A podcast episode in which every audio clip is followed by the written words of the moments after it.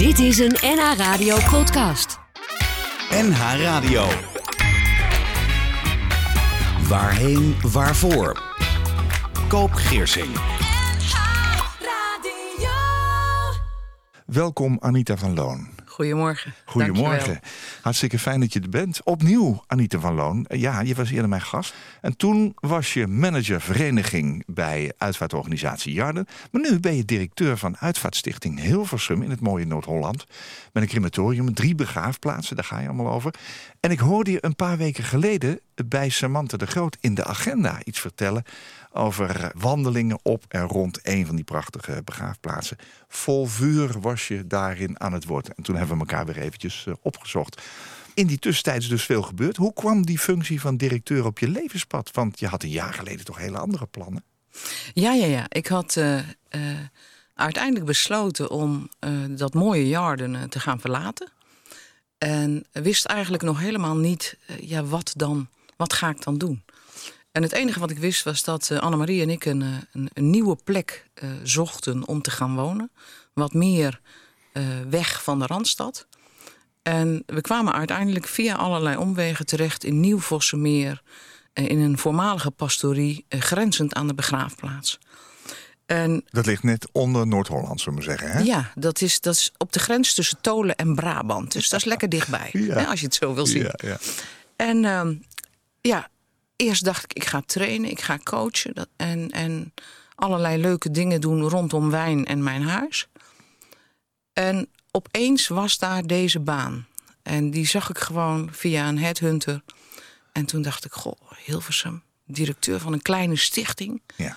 Hoe mooi is het als ik dat zou gaan doen? Want ik wilde, eigenlijk, daar kwam ik tijdens mijn zoektocht achter, in die uitvaartwereld blijven. Want dat vond ik zo mooi.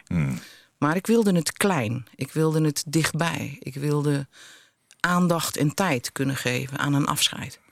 En dat, dat was ik ergens een beetje kwijtgeraakt. Voor mijn gevoel, hè? mijn gevoel. En deze uitvaartstichting die heeft prachtige begraafplaatsen midden in de natuur. Dus je, je hoort de specht, je ziet de eekhoorntjes, je ziet de hazen lopen. Je ziet koeien wandelen. Je ziet de koeien Ja. wandelen op de Hoornboegse heide. En wat we hier vooral doen, is tijd en aandacht hebben aan mensen die afscheid moeten nemen. Ja. En we hoeven niet zo op het horloge te kijken en te zeggen: de volgende plechtigheid komt al. En want we hebben tijd en Ja. we kunnen dus uitlopen. Maar jij was iets anders van plan. Dit kwam op je pad.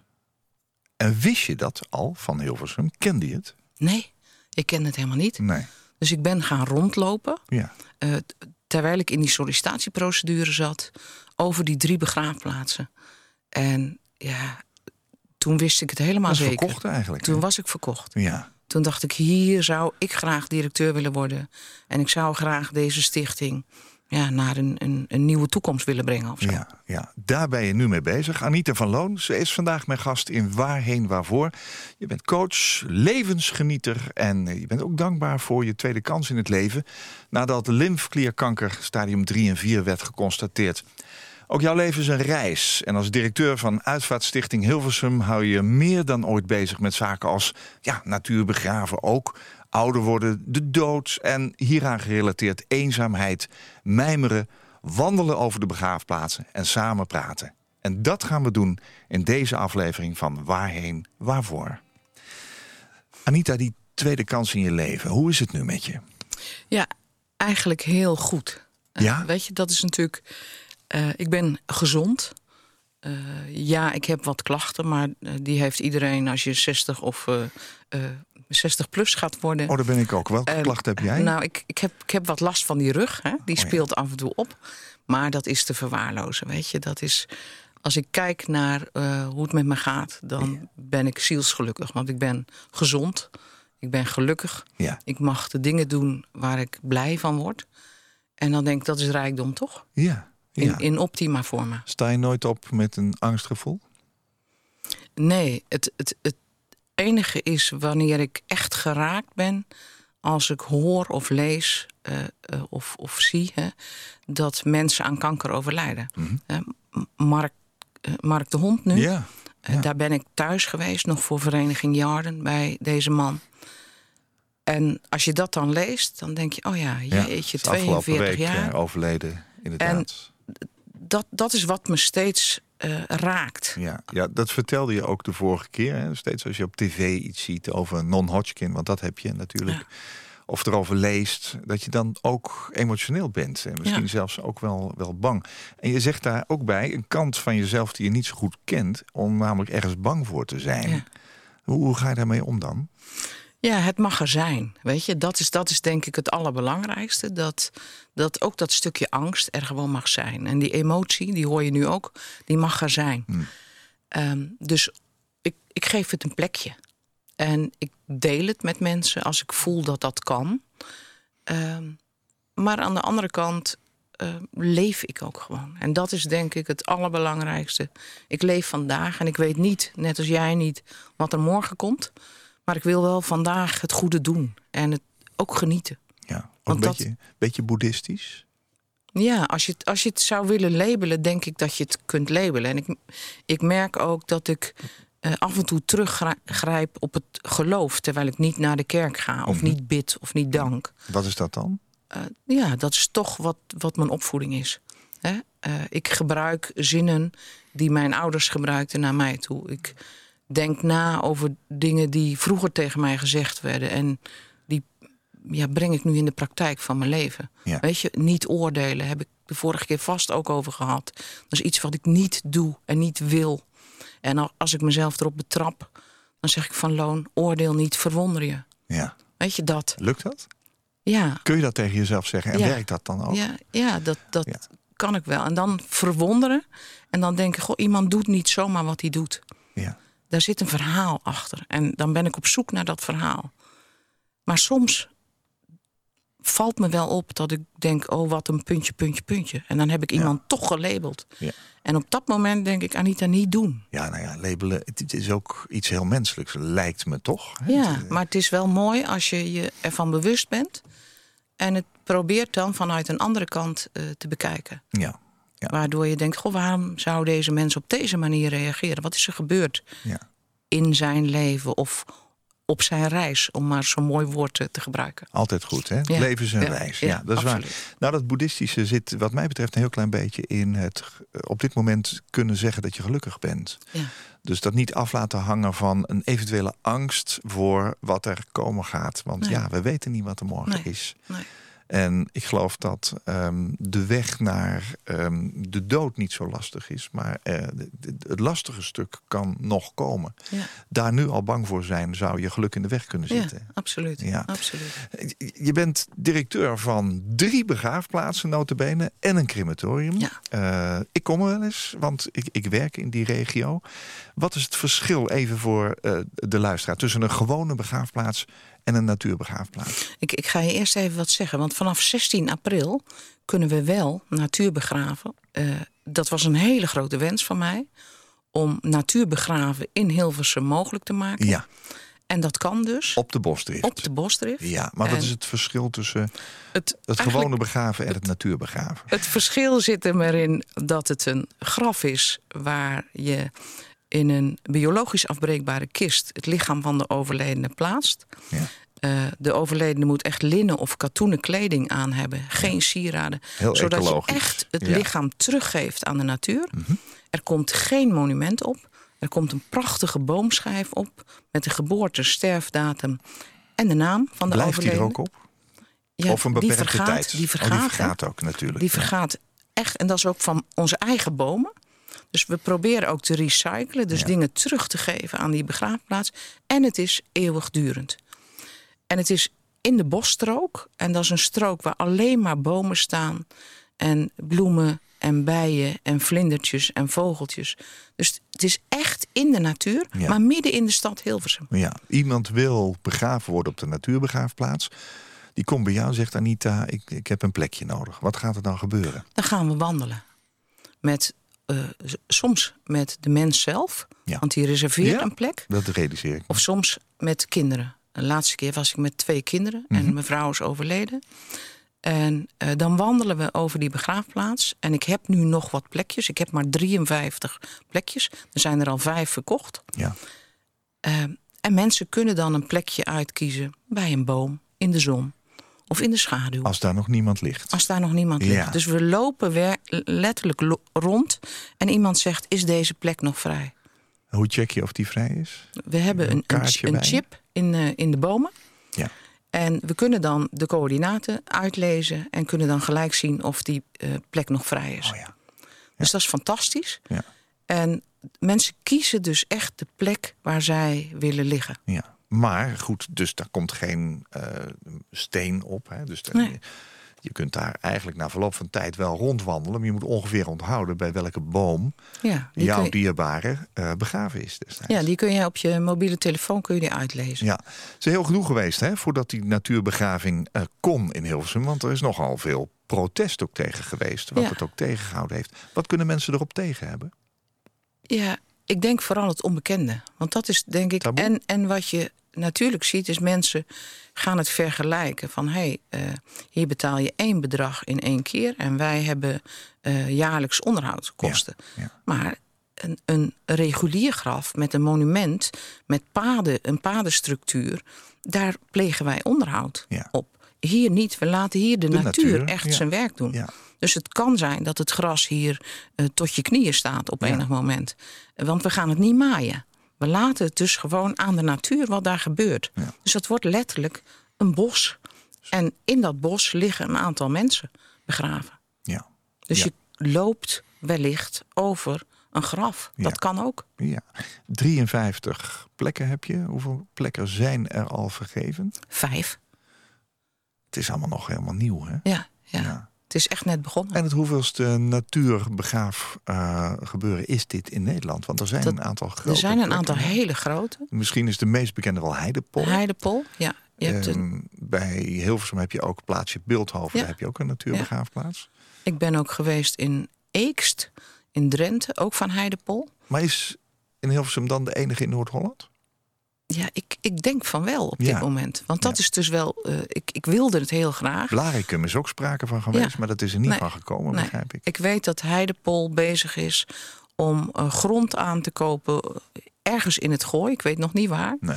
waar ze dit ook willen gaan exploiteren in de toekomst. En ja, ik, ik ken geen andere binnenstedelijke gebieden... waar je natuurbegraven kunt aanbieden. Nee. En die plek Bosdrift maakt dit natuurlijk prachtig mogelijk. Ja, een bosstrook midden in het dorp Ja, Hilversum, ja, want het is een ja, dorp, hè? ja. Anita, we gaan even naar drie liedjes. Die, eh, wat, ik zei tegen je, ja, nee, niet die driezelfde liedjes draaien, want dat, dat, is, dat is mooi om er weer drie te verzinnen. Was dat een lastige klus? Nee, dat was niet zo, eh, nee, niet zo niet, lastig. Nee. nee. Daniel Lohuis heeft net een nieuw album gemaakt en dat heb jij blijkbaar al eh, in huis beluisterd. Ja, ja. Wat gaan we luisteren en waarom? Ja, eh, het, het liedje, ik kan het niet in zijn eh, eh, taal uitspreken, maar je mag hier altijd terug naartoe komen. En dat is een liedje wat me heel erg doet denken aan mijn ouders, onze boerderij. Ja. Je kon altijd terug naar huis en er was altijd plek.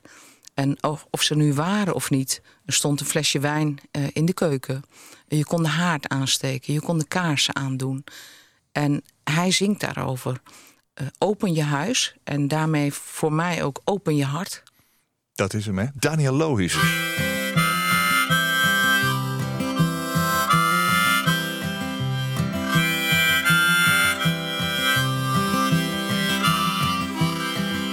Die man hier altijd hen kom, ook al ben ik er niet.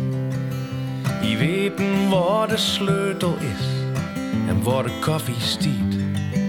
Die hebben hun eigen kamertje, het berg stiet al klaar. Kroep hier maar fijn in weg, als het weer te gek wordt door.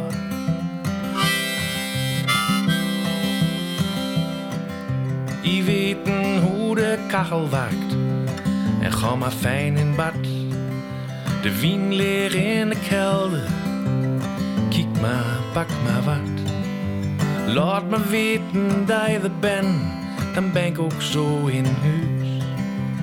Steek maar vast wat kiezen aan, voel je maar thuis.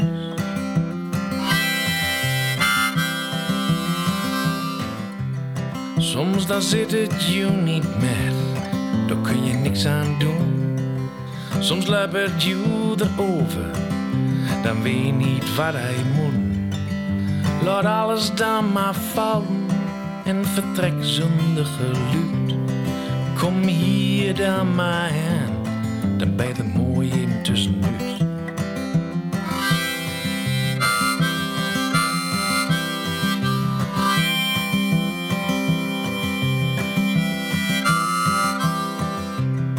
Blijf gewoon zo lang als het moet, zolang als het kan.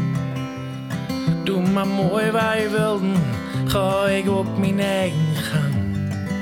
En hij weer weggaan is het ook goed, als ik het maar even weet. Ach, dat weet jij ook wel, ja, alles is oké. We hebben ook een beetje aan jouw vader en moeder gedacht, natuurlijk. Eh, Die zijn al overleden, heb je vorige Ja. keer ook eh, verteld. Je moeder al wat langer. Daniel Lohus, hij bracht in februari van dit jaar zijn nieuwe album sowieso uit. En je hoorde I mag hier altijd hen komen, dat is Drents. En hij zegt erover, deze plaat wilde ik sowieso maken. Want nu begint later. Ook heel filosofisch eigenlijk, Mooi. hè? Ja, mooi. Een van jouw drie liedjes. En straks eh, gaan we eens kijken wat voor eh, liedjes je nog meer hebt gemaakt. Anita van Loon is vandaag mijn gast. Ze is directeur van eh, de stichting in Hilversum... die drie begraafplaatsen, inclusief een natuurbegraafplaats, exploiteert. En ook een crematorium. Gaat dat goed met het crematorium? Want dat bestaat nog niet zo heel lang. Hè? Het was gewoon een begraafplaats, Zuiderhof heb ik het dan nu over... aan de Hoornenboegse Heide. Met prachtig uitzicht op de koeien en op de wandelende mensen... waardoor je ook het idee hebt dat een begrafenis eh, iets heel gewoons is... en bij het leven hoort, wat het Ja. natuurlijk ook is. En dat crematorium is wat later gekomen. Waarom eigenlijk een crematorium op een begraafplaats? Was dat toch een zakelijk iets? Ja, wat je, wat je ziet is dat eh, begraven eh, ook in Hilversum eh, terugloopt. Dus die begraafplaatsen zochten eigenlijk, althans toen was het nog van de gemeente, zochten naar een vorm om toch wat, wat nieuwe inkomsten te genereren. Er was in Hilversum nog geen crematorium. En toen heeft de gemeente dus besloten in 2016 om dit crematorium te openen Ja. Een klein crematorium, een intiem crematorium inderdaad... met een koffiekamer met uitzicht over die prachtige heide. En eigenlijk voor de Hilversummers. En eh, dat ging natuurlijk het eerste jaar fantastisch. Het tweede jaar ook nog fantastisch, want eh, toen was er in de omgeving niet zoveel. Toen kwam Laren, natuurlijk een prachtig modern nieuw crematorium. Ja, dat was ook geen crematorium. Dat is ook eh, Ja. eigenlijk gloedje nieuw. Ja. Ehm, een twee jaar inmiddels, hè, denk Ja. ik. Of anderhalf jaar. Ja, zoiets. Ja. Ja. En daar, eh, daar hadden we last van. En eigenlijk zien we nu weer dat we onze positie eh, eigenlijk hebben gepakt. En dat betekent kleinschalig, intiem, één familie tegelijk op het terrein. En dat is denk ik waar we voor staan. Te midden van die schitterende natuur. Ja, als en je dat, is, dat- dat, dat- is een keuze. En die keuze moet je willen maken als je houdt van deze plek, van deze omgeving. Eh, Als je in de aula zit op de Zuiderhof. En je kijkt zo naar, naar die bomen, naar dat groene gazon. Nu iets minder groen hè, door de droogte, maar dat groene gazon. Eh, als je daarvan houdt, dan kom je naar ons. En wil je iets anders, dan ga je ergens anders heen. Dus onze, onze plek is echt passend bij die natuur, die stilte, die rust. En dat is wat je, wat je moet willen. En dan kom je naar ons. Ja, ja. Klein, eh, kleinschalig, zeg je. Maar er is ook een hele grote aula bij. Hè? Dus het, dat gevoel heb je niet zo. Nee. Kijk, en als je een crematorium wilt exploiteren... heb je eigenlijk een ruimte nodig waar een crematie over is. Dus Ja. dat, dat, dat stapje kun je daar maken. Die natuur is belangrijk voor jou, ook persoonlijk, hè? Ja. Ehm, ja, het, eh, het is vaak eh, zo dat mensen eh, niet zo bang zijn voor de dood zelf, maar wel voor de weg er naartoe. Wat maak je daarvan mee als directeur? Want ik neem aan dat jij toch voortdurend in overleg zit en, en met eh, waarschijnlijk gemeenteraden om tafel zit en met, met Ja. projectmanagers. Je- ja, ik zit wel in overleg, maar veel minder eh, dan, dan in, in het verleden Mhm. bijvoorbeeld.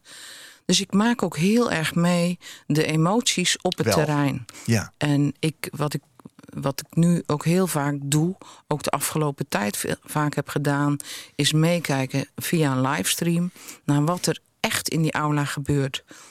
En ja, dan, dan zie je heel veel verschillende dingen. ja. Dan zie je hoe ehm, de ene eh, eh, manier van afscheid nemen ehm, vrolijker, luchtiger is van aard. En de andere vol met verdriet. Ehm, soms hoor je een toespraak en denk je: oh ja, ehm, deze mens stond midden in het leven. En is midden in dat leven er door ziekte eh, eh, uitgehaald. Ja. Eh, zo zie ik het dan maar even. En, maar dan heeft het toch een soort mooie klank. En is het niet alleen maar verdriet. Nee. En je ziet dus heel veel verschillende eh, manieren van afscheid nemen. En dat intrigeert mij. Ja. Hoe de ene familie of de andere familie daarmee omgaat. Ja, je hebt zelf de afgelopen jaren eigenlijk altijd gewerkt in de uitvaartbranche. Eh, Ik, heb, ik ben in het dagelijks leven uitvaartverzorger. Ik heb jou leren kennen helemaal aan het begin van mijn carrière... toen je in Haarlem werkte bij een uitvaartbedrijf. Eh, daarna ben je bij Jarden in die vereniging gestapt... en nu ben je weer als directeur eh, van, die, van die uitvaartstichting bezig. Altijd dus met leven en dood. Ehm, hoe ga jij persoonlijk om met, met afscheid nemen en met ouder worden en met ja, toch zien dat je op weg gaat naar, naar misschien wel zo'n laatste stuk. Nou ja, wat, wat ik, eh, waar ik me heel erg van bewust ben, is dat ik toch met regelmaat nu zelf uitgenodigd word voor een afscheid van vrienden of van mensen die je kent.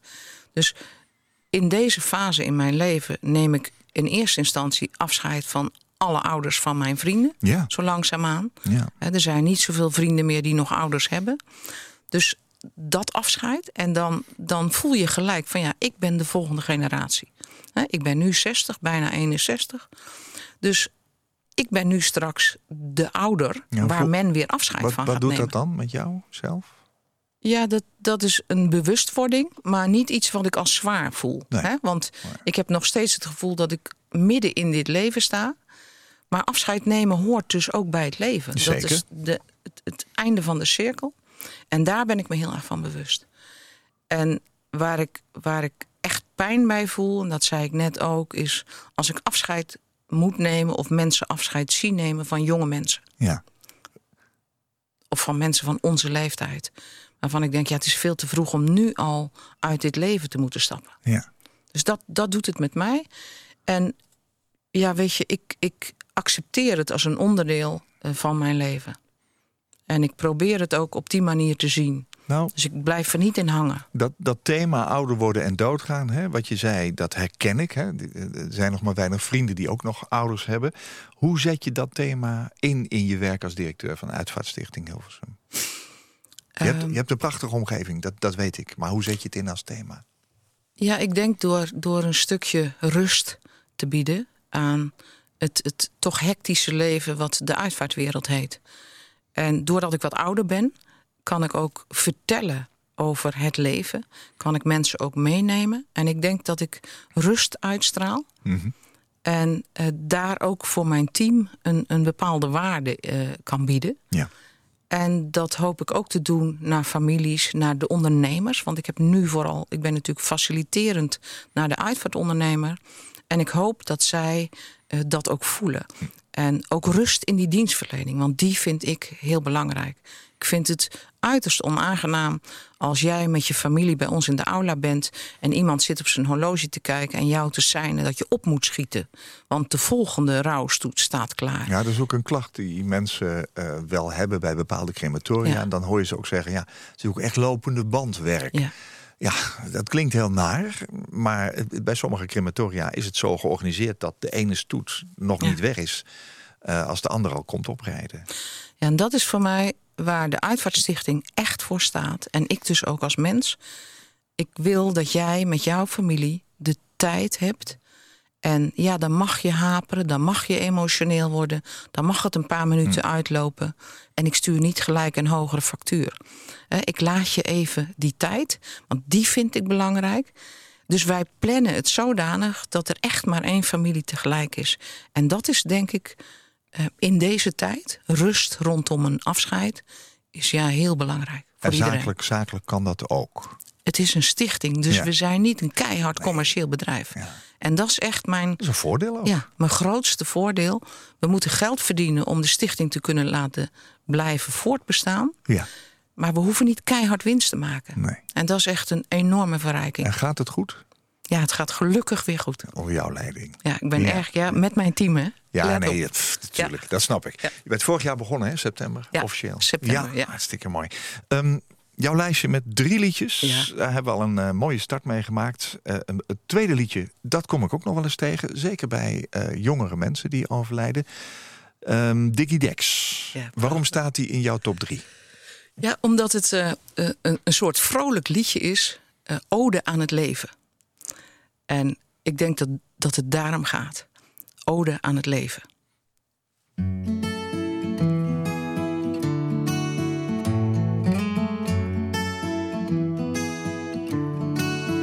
En als de klok luidt, de tijd is, ik zing voor de laatste keer. Als ik daar lig in vrede, zing deze dan nog een keer. Ja, heb je ooit wel eens bedacht wat je zou zeggen? Als je straks daar ligt voor hen die jou kennen. Wat zijn de woorden die je mee zou willen geven? Hier, dus bij deze, mijn ode aan het leven. En ik heb alles hier gedaan wat ik wou. Ik heb dingen voor mezelf en gemaakt voor jou. Ik heb het zilver al gezien en gegaan voor goud. Ik had het soms fucking heet en soms dagen koud. Maar ik heb altijd geprobeerd om te gaan voor liefde. Te staan voor mijn naasten, te gaan voor vrienden. Te gaan voor familie in de dag en de nacht. Ik heb zoveel gekregen, niet altijd verwacht. Yeah. En dat is mijn filosofie, dus doe maar één loop. Als ik weg ben, dan denk aan dat.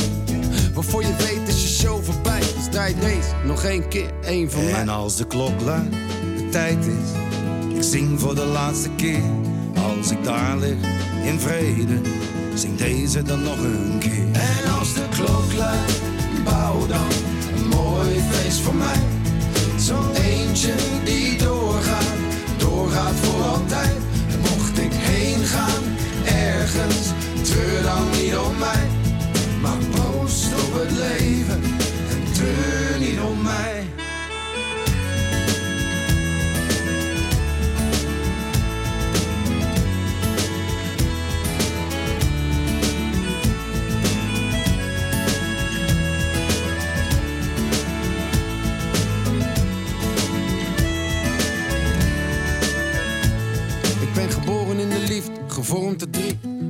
Mijn eigen weg, koos voor de muziek. Soms koos werkeloos, geen geld op de bank. Soms over een shows en was de held van de stad. Maar ik heb altijd geprobeerd om te gaan voor echt.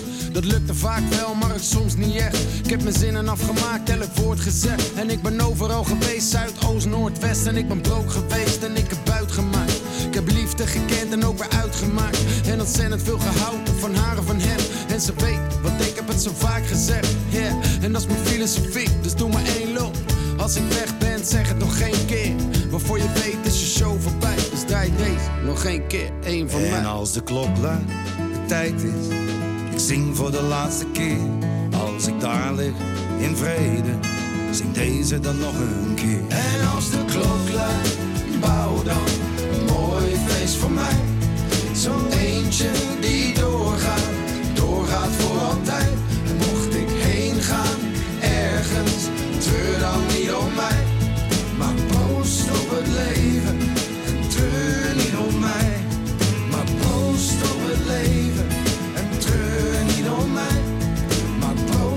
Het leven en treur niet om mij.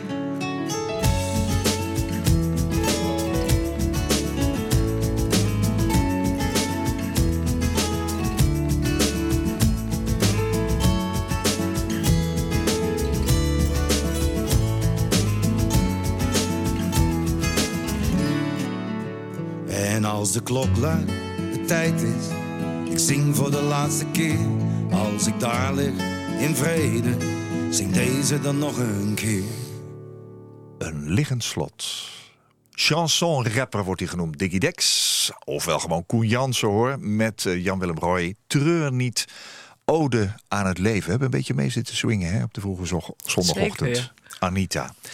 We hebben het gehad over het thema ouder worden en doodgaan. En eh, ja, in je werk als directeur van die uitvaartstichting Hilversum heb je daar echt heel veel mee te maken. Hieraan gerelateerd is natuurlijk ook ehm, eenzaamheid. Hè? We, zi- Ja. we zitten nog steeds in de coronatijd. Er kunnen wel weer wat dingen, dat zal ik zo wel vertellen. W- wat ben je op dat gebied van eenzaamheid tegengekomen de afgelopen eh, maanden? Want het, het begon een beetje half maart eh, op slot te gaan. We Ja, zitten al in juni. En, enerzijds zie je natuurlijk de, de kleine uitvaarten. Dus uitvaarten met weinig mensen. Ja, Je zag ook eh, eh, ja, het, het zoeken van families van hoe eh, geef ik iemand nu mijn medeleven. Dus je zag een soort onhandigheid, ook in ons eigen handelen. je kan maar ook mensen niet tussen aanraken. mensen. Ja. ja, precies. En wat wij zijn gaan doen is eigenlijk dat we dachten... ja, hoe kunnen wij nu als uitvaartstichting een bijdrage leveren... aan mensen in Hilversum die eenzaam zijn... En toen hebben we aangeboden eh, via onze website... en het hebben we ook in de krant gezet... van goh, u kunt eh, met ons gaan wandelen over de begraafplaatsen. En dan krijg je soms één persoon of twee personen... want het was met, eigenlijk steeds met max twee of max drie personen. En dan ging je wandelen over zo'n begraafplaats. En ja, in het begin ga je wat vertellen over de plek... Maar uiteindelijk ontstaan daar hele mooie gesprekken. Want de mensen die dit aangevraagd hebben, waren ook echt eenzaam. Eh, woonden alleen, ehm, zagen niet zoveel mensen. En zo'n wandeling op anderhalve meter afstand... in een hele mooie natuur... met hele mooie oude bomen of ou- oude grafzerken... is dan heerlijk om gewoon eens even tegen een vreemde... eigenlijk je verhaal te kunnen doen. Waar gaan de gesprekken over? Ja, over ehm, hoe stil het is vaak. In coronatijd was het voor heel veel mensen stil. Hoe gek het is om niet eh, een arm om je heen te kunnen krijgen. Of eens een keer een hand te kunnen vastpakken. Of misschien wel een keer een knuffel te krijgen. Want dat is toch wat we eigenlijk heel makkelijk doen als mens. Ik merk dat bij mezelf ook. Ik raak jou heel graag aan. Even, even je hand pakken of even een, een, een, een arm om je schouder. Ja, het was een elleboog hè, vanmorgen. Ja. En, en dat is heel gek als dat niet meer is. En je moet jezelf er ook steeds weer op betrappen... dat je de neiging hebt om naar iemand toe te lopen en te zeggen... hé, hey, hoe is het met je? Ja. En dat doe je nu op anderhalve meter afstand. En daar ging het vaak over. Hoe we aan het zoeken waren naar een nieuwe vorm van toch echt contact. En eh, dan kan zo'n wandeling, waarin je toch iemand weer in de ogen kunt kijken... of waarin je iemand ziet glimlachen... of waarin je samen luistert naar de vogels... eh, kan dan helpen. Ja, dus het is niet zo dat mensen naar Bosdrift komen... of de Noorderbegraafplaats of Zuiderhof... en een kaartje krijgen van dit is de wandeling, veel succes. Nee, nee wij Je gingen zelf met ze wandelen. Ja, hoe lang duurt zo'n wandeling? Ja, eh, soms een uur en soms anderhalf uur. Ja. Afhankelijk van het gesprek. En, en het is echt heel bijzonder wat er dan ook ontstaat. Eh, Ja. Ik, ik ben met een echtpaar wezen wandelen. En ik krijg nu af en toe een mailtje van dat echtpaar. En dan denk ik, ja weet je, dit is mooi. Ja. Dit is, dit is weer een verbinding. En, en die is niet gestopt na die wandeling. En dat is voor mij waar het over gaat. En dat, dat heeft vooral met mens zijn te maken, maar ook met, met die uitvaartstichting, met die mooie plekken die er zijn. Ja, Dus het is een combinatie van, van alles bij elkaar. ja. Het is, Anita van bijna, Loon en of zo. het is bijna een eh, onderwerp voor de agenda, het programma wat hierna komt. Ja. Maar kun je je zo aanmelden voor zo'n wandeling? Ja, je kunt doe je eh, een, een mailtje sturen naar info.uitvaartstichtinghilversum.nl. Staat ook op de website. En dan kun je gewoon aanmelden en dan nemen we contact met je op en dan plannen we een afspraak. Ja. Zijn de wandelingen altijd op één plek? Want ik noemde Nee, net hoor. de drie Eh, begraafplaatsen. soms heeft iemand een, een eh, gevoel bij de Noorderbegraafplaats, soms bij de Zuiderhof of soms bij de Bosdrift. En het kan overal. Ja. We hebben straks al even gezegd dat er eh, toch nog veel taboe is hè, rondom het thema sterven en dood zijn. De afgelopen jaren is meer gecremeerd dan begraven. Is dat nog steeds zo? Eh, ja, zeker. Ook bij jullie, omdat het crematorium nog maar kort Ja, bestaat. wij- wij aantal zien- jaren. Ehm, we zien gelukkig het aantal crematies toenemen. Ja. Maar wij zien nu ook eh, het aantal begrafenissen weer toenemen. Ja? Bij ons. Hè? Dus dat Ja. is in, in tegenstelling tot het landelijk cijfer. Ja. Eh, maar wij zien dat dat toeneemt. En we zien nu ook die reserveringen van die natuurbegraafplekken. Ik denk dat dat ook iets is waar men heel bewust voor kiest. Dus ik zie op beide vlakken een, een stijging. En daar ben ik heel blij mee. En daarmee, we blijven klein. Hè? Want we hebben ook een bovengrens. Eh, we gaan nooit meer dan 900 plechtigheden per jaar doen als stichting. Ja. om, om die tijd en aandacht te kunnen blijven bieden. Ja, je hebt ook al uitgelegd dat je, eh, als je daar komt... niet zomaar een andere familie tegenkomt... Ja. die met een andere Ja. begrafenis Ja. bezig is. Het is wel mooi wat je vertelt over dat begraven. Mensen weten als je er nog niet mee te maken hebt gehad... omdat je ja, nog in goede gezondheid bent... en nog niet zoveel van dichtbij hebt gezien... eh weet aan de buitenkant niet vaak het grote verschil. Men denkt vaak cremeren is goedkoper dan begraven. Of, of andersom gedacht, begraven is veel duurder. Ik maak dat ook mee natuurlijk als uitvaartverzorger. Dat je ziet dat een tarief hoger is eh, als er begraven wordt. Bij begraven heb je niet alleen de begraafkosten... maar je hebt ook de plek waar je bent. Moet je ook eh, voor betalen. Ja. Daarna wil je er misschien wel een monument opzetten. Dat, is, eh, dat, ja, dat zijn toch Ja. nog wel aardige Ja. kosten. Hoe ligt dat ongeveer? Ehm, als je natuurlijk een, een graf voor 20 jaar, dus daar zit grafrecht onderhoud in, nog geen monument, dan ben je al uit mijn hoofd bijna 5500 euro kwijt. Ja, ja. En dan komt dat monument er nog bij. Ja. En na 20 jaar moet je weer die keuze maken. Wat ga ik nu doen? ja, dat is het zogenaamde grafrecht. ja, hè? ja. Ja. En eh, cremeren is natuurlijk een. eh, je betaalt voor de crematie. Ja, Ehm, ik weet dat bedrag, eh, volgens mij 1100 maakt ook niet zoveel uit. nee. Dat is een eenmalig bedrag Ja. bij ons. En daarna kun je zelf bepalen, wat ga ik nu doen met die as? Ook daar hebben wij als stichting eh, Evelien, dat is een van mijn medewerkers, en zij, zij heeft het daar met jou over. Op het moment dat je de asbus komt ophalen, eh, dan kun je een boom eh, kopen. Daar kun je de urn bij plaatsen. Je kunt een gewone urn kopen om thuis iets te doen. Ja. Je kunt de as laten verstrooien op verschillende wijzen. Dus ook daar is weer ehm, heel veel tijd voor jou om je te helpen in dat keuzemoment. Ja. En ja, wij zien ook dat dat weer iets is waar, waar behoefte aan is. Want dat weet je vaak niet. Daar heb je nog niet zo goed over nagedacht. Nee. En tegelijkertijd zeg je, bij ons lijkt het begraven weer toe te nemen. Ja. Waar komt dat dan door? Juist als je ook weet dat het een stuk duurder is. Ja. Wat maakt dat mensen misschien toch zeggen... Ik, ik denk dat, we, hebben. dat, we, ehm, dat het enerzijds te maken heeft met de welvaart. We hebben het best wel goed in Mhm. Nederland over het algemeen. Ja. Vaak kiest men weer voor begraven omdat er andere familieleden ook op die plek begraven zijn. Eh, zeker bij echtparen. Hè, dan zie je de, de, de moeder is eerst overleden, ligt daar begraven en de vader wordt bijgeplaatst vaak. Ehm, ja, dat. Maar het heeft ook te maken met de mooie natuur, denk ik.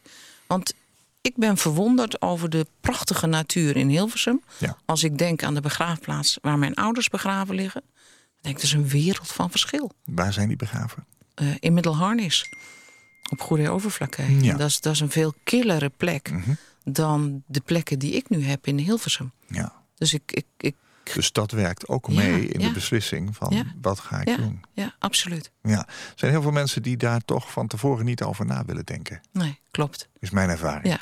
Dus praten over de dood. Ja. En wij hebben ook het rouwcafé iedere derde zondag van de maand in de einde.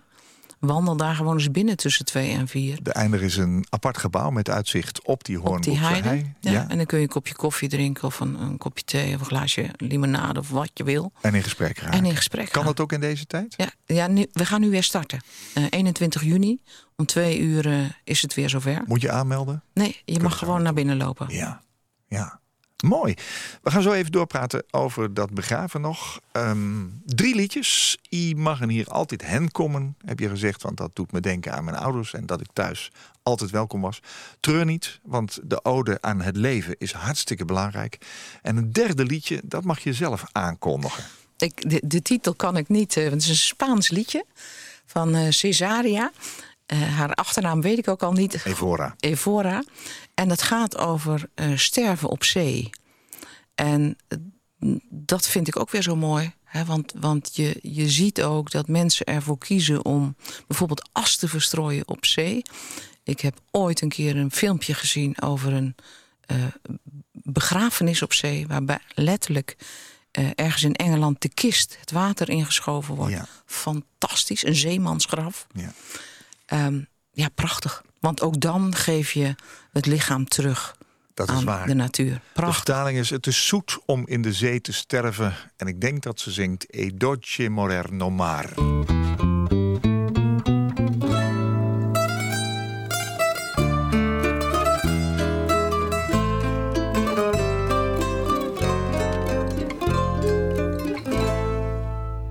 E dolce no mar.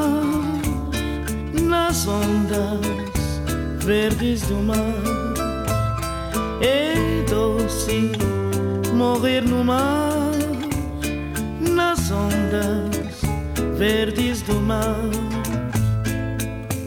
A noite que ele não veio foi, foi de tristeza pra mim. Saveiro voltou sozinho.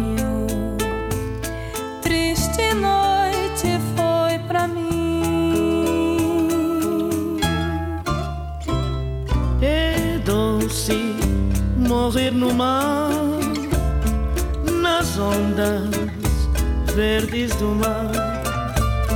É doce morrer no mar, nas ondas verdes do mar. Saveiro partiu de noite foi. Madrugada não voltou.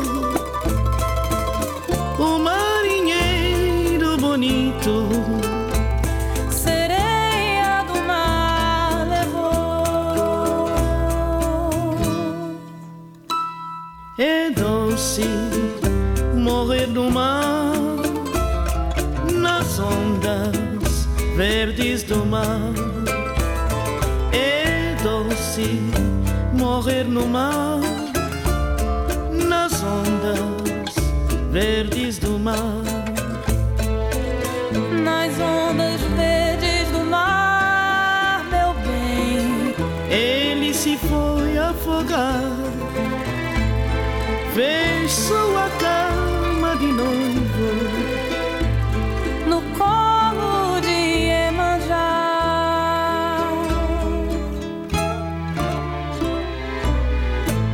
Doce morrer no mar, nas ondas verdes do mar.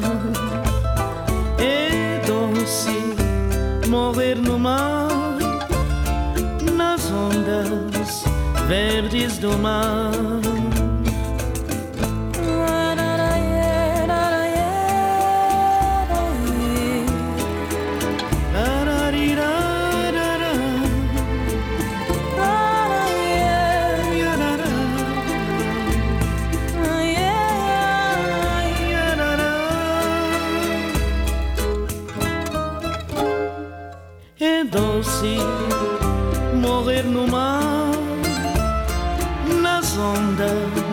Verdes do mar. É doce morrer no mar, nas ondas verdes do mar.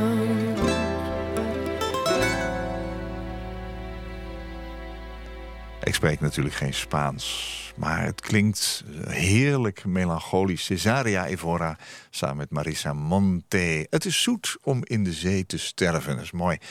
Eh, Anita, in Hilversum kun je midden in die prachtige natuur... kleinschalig bezig zijn met afscheid, met rouw en met verlies... Want mens en natuur komen daar gewoon samen. Dieren maken afscheid soms nog intenser. Je hebt me wel geschreven, de koeien op de Hoornboegse heide. eh, of de hazen die spelen in het gras terwijl iemand een speech houdt. Je ziet dat natuurlijk voor je gebeuren. Ik, ik weet dat ook. En dat culturele erfgoed, want het zijn natuurlijk toch wel culturele gebouwen, zou je kunnen zeggen. eh, maakt deze begraafplaatsen tot eh, unieke, bijzondere plekken waar het fijn is om te zijn. Heel veel mensen vragen mij, hoe kun je het nu fijn vinden op een begraafplaats?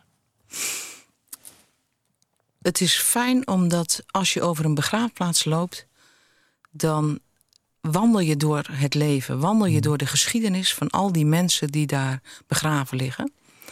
En als je dan ook nog te maken hebt met gebouwen die, die door de tand des tijds zijn aangeraakt, dan is daar weer een verhaal van wie heeft ooit dat gebouw op die bosdrift neergezet.